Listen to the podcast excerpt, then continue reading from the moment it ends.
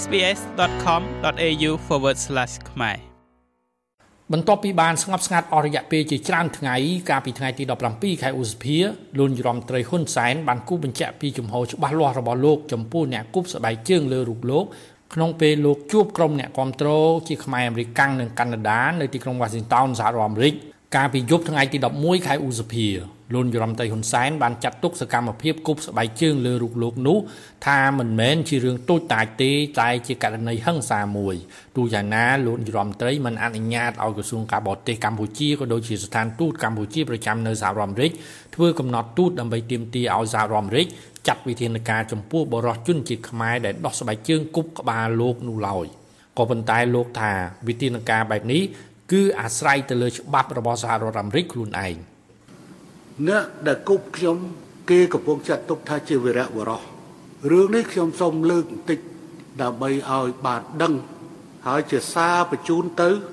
រដ្ឋការរបស់សហរដ្ឋអាមេរិកផងប្រធានាធិបតីអតីតប្រធានាធិបតីអាមេរិកប៊ូសក៏ត្រូវបានអ្នកសារព័ត៌មានចូលទៅបន្លំចូលទៅរួចហើយគប់ពីស្បែកជើងប៉ុន្តែប្រធានាធិបតីប៊ូស ក៏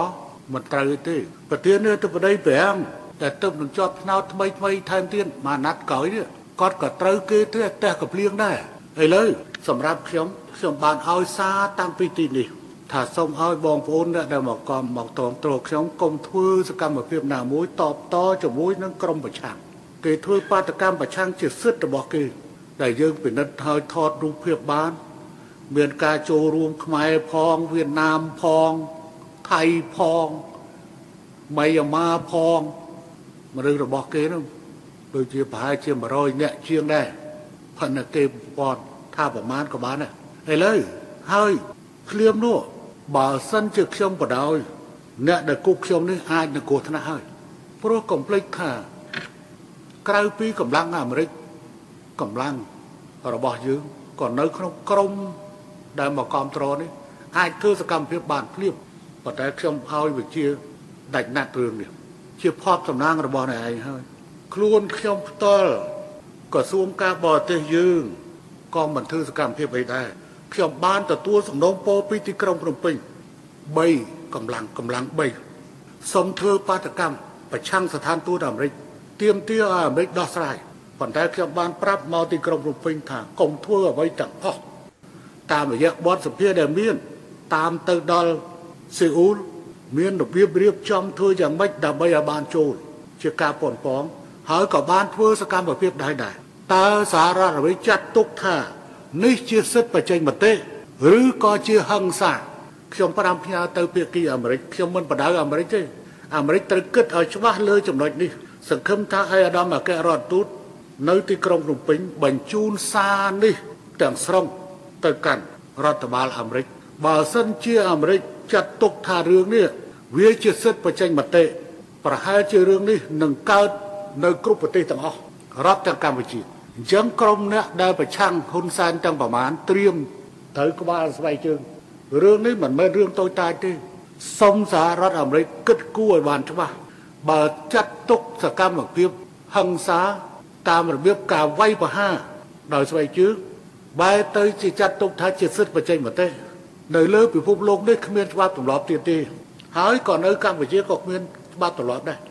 គេបានដឹងថាអ្នកណានៅទីក្រុងភ្នំពេញជាក្រុមហ្នឹងអ្នកហ្នឹងក៏ត្រូវត្រៀមត្រូវក្បាលនៅស្បែកជើងដែរនេះមិនមែនជាការគម្រាមទេតែជាការវិភាគជូនទស្សនវិជ្ជាច្បាប់តភ្ជាប់នៅផ្លូវនយោបាយសូមបញ្ជាក់ថាករណីគប់ស្បែកជើងលើលោកលីញូរដ្ឋមន្ត្រីហ៊ុនសែនបង្កឡើងដោយពលរដ្ឋខ្មែរអាមេរិកម្នាក់ឈ្មោះអុកទូច ក៏ប៉ុន្តែស្បែកជើងនោះមិនត្រូវចំក្បាលលោកហ៊ុនសែននោះទេដោយវាបានហោះទៅចំនឹងទូរស័ព្ទរបស់អ្នកគ្រប់គ្រងម្នាក់ដែលរៀបចំថតរូប selfie ជាមួយលោកនាយរដ្ឋមន្ត្រីហ៊ុនសែនក្នុងកណ្ដាលចំណោមមនុស្សជាច្រើនផ្សេងទៀតក្រោយព្រឹត្តិការណ៍នោះក្រុមអ្នកគ្រប់គ្រងបកប្រឆាំងនៅសហរដ្ឋអាមេរិកដែលបានប្រមូលផ្ដុំធ្វើបាតកម្មប្រឆាំងលោកនាយរដ្ឋមន្ត្រីហ៊ុនសែនកាលពីសប្តាហ៍មុននៅទីក្រុង Washington បានចាត់ទុកជននោះថាជាវីរៈជនដែលពលរដ្ឋខ្មែរជាច្រើន និងអ្នកគ្រប់គ្រងគណៈបកប្រជាជនកម្ពុជាបានហៅអំពើនោះថាអសិលធម៌និងជាអំពើហិង្សាមិនអាចទទួលយកបានយ៉ាងណាក៏ដោយក្នុងពិធីជួបជុំជាមួយក្រុមគ្រូពេទ្យស្ម័គ្រចិត្តដែលដឹកនាំដោយគុណប្រសាស្រីដែលជាភរិយារបស់លោកហ៊ុនម៉ាណែតកាលពីព្រឹកថ្ងៃទី17ខែឧសភាលួនច្រំតៃហ៊ុនសែនក៏បានជំរុញឲ្យក្រសួងសុខាភិបាលកម្ពុជាពន្លឿនបង្ការបង្កើតរោងចក្រផលិតវ៉ាក់សាំង COVID-19 នៅកម្ពុជាដែលកម្ពុជាបានព្រមព្រៀងជាមួយចិនកាលពីពេលថ្មីៗនេះ បើតាមប្រមុខរាជរដ្ឋាភិបាលកម្ពុជាពេលនេះភៀកគីចិនកំពុងរងចាំឆ្លើយតបពីកម្ពុជាលោករដ្ឋមន្ត្រីហ៊ុនសែនបានបញ្ជាក់ប្រាប់រដ្ឋមន្ត្រីក្រសួងសុខាភិបាលថាប្រសិនបើវិស័យឯកជនដែលទទួលបានអាជ្ញាប័ណ្ណបង្កើតរោងចក្រផលិតវ៉ាក់សាំងនេះមិនដំណើរការទៅមុខទេ ក្រសួងត្រូវតែដកអាជ្ញាប័ណ្ណនោះមកវិញហើយរដ្ឋធ្វើតែម្ដង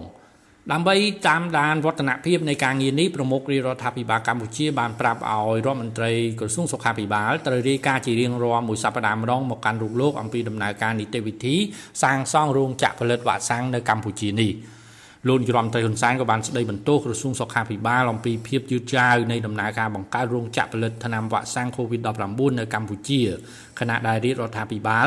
បានត្រៀមជាស្រេចក្នុងការបញ្ចេញថវិកាដើម្បីផលិតថ្នាំវ៉ាក់សាំងជាមួយភាគីចិន ខ្ញុំម៉េងផល្លា SBS ខ្មែររាយការណ៍ពីរាជធានីភ្នំពេញ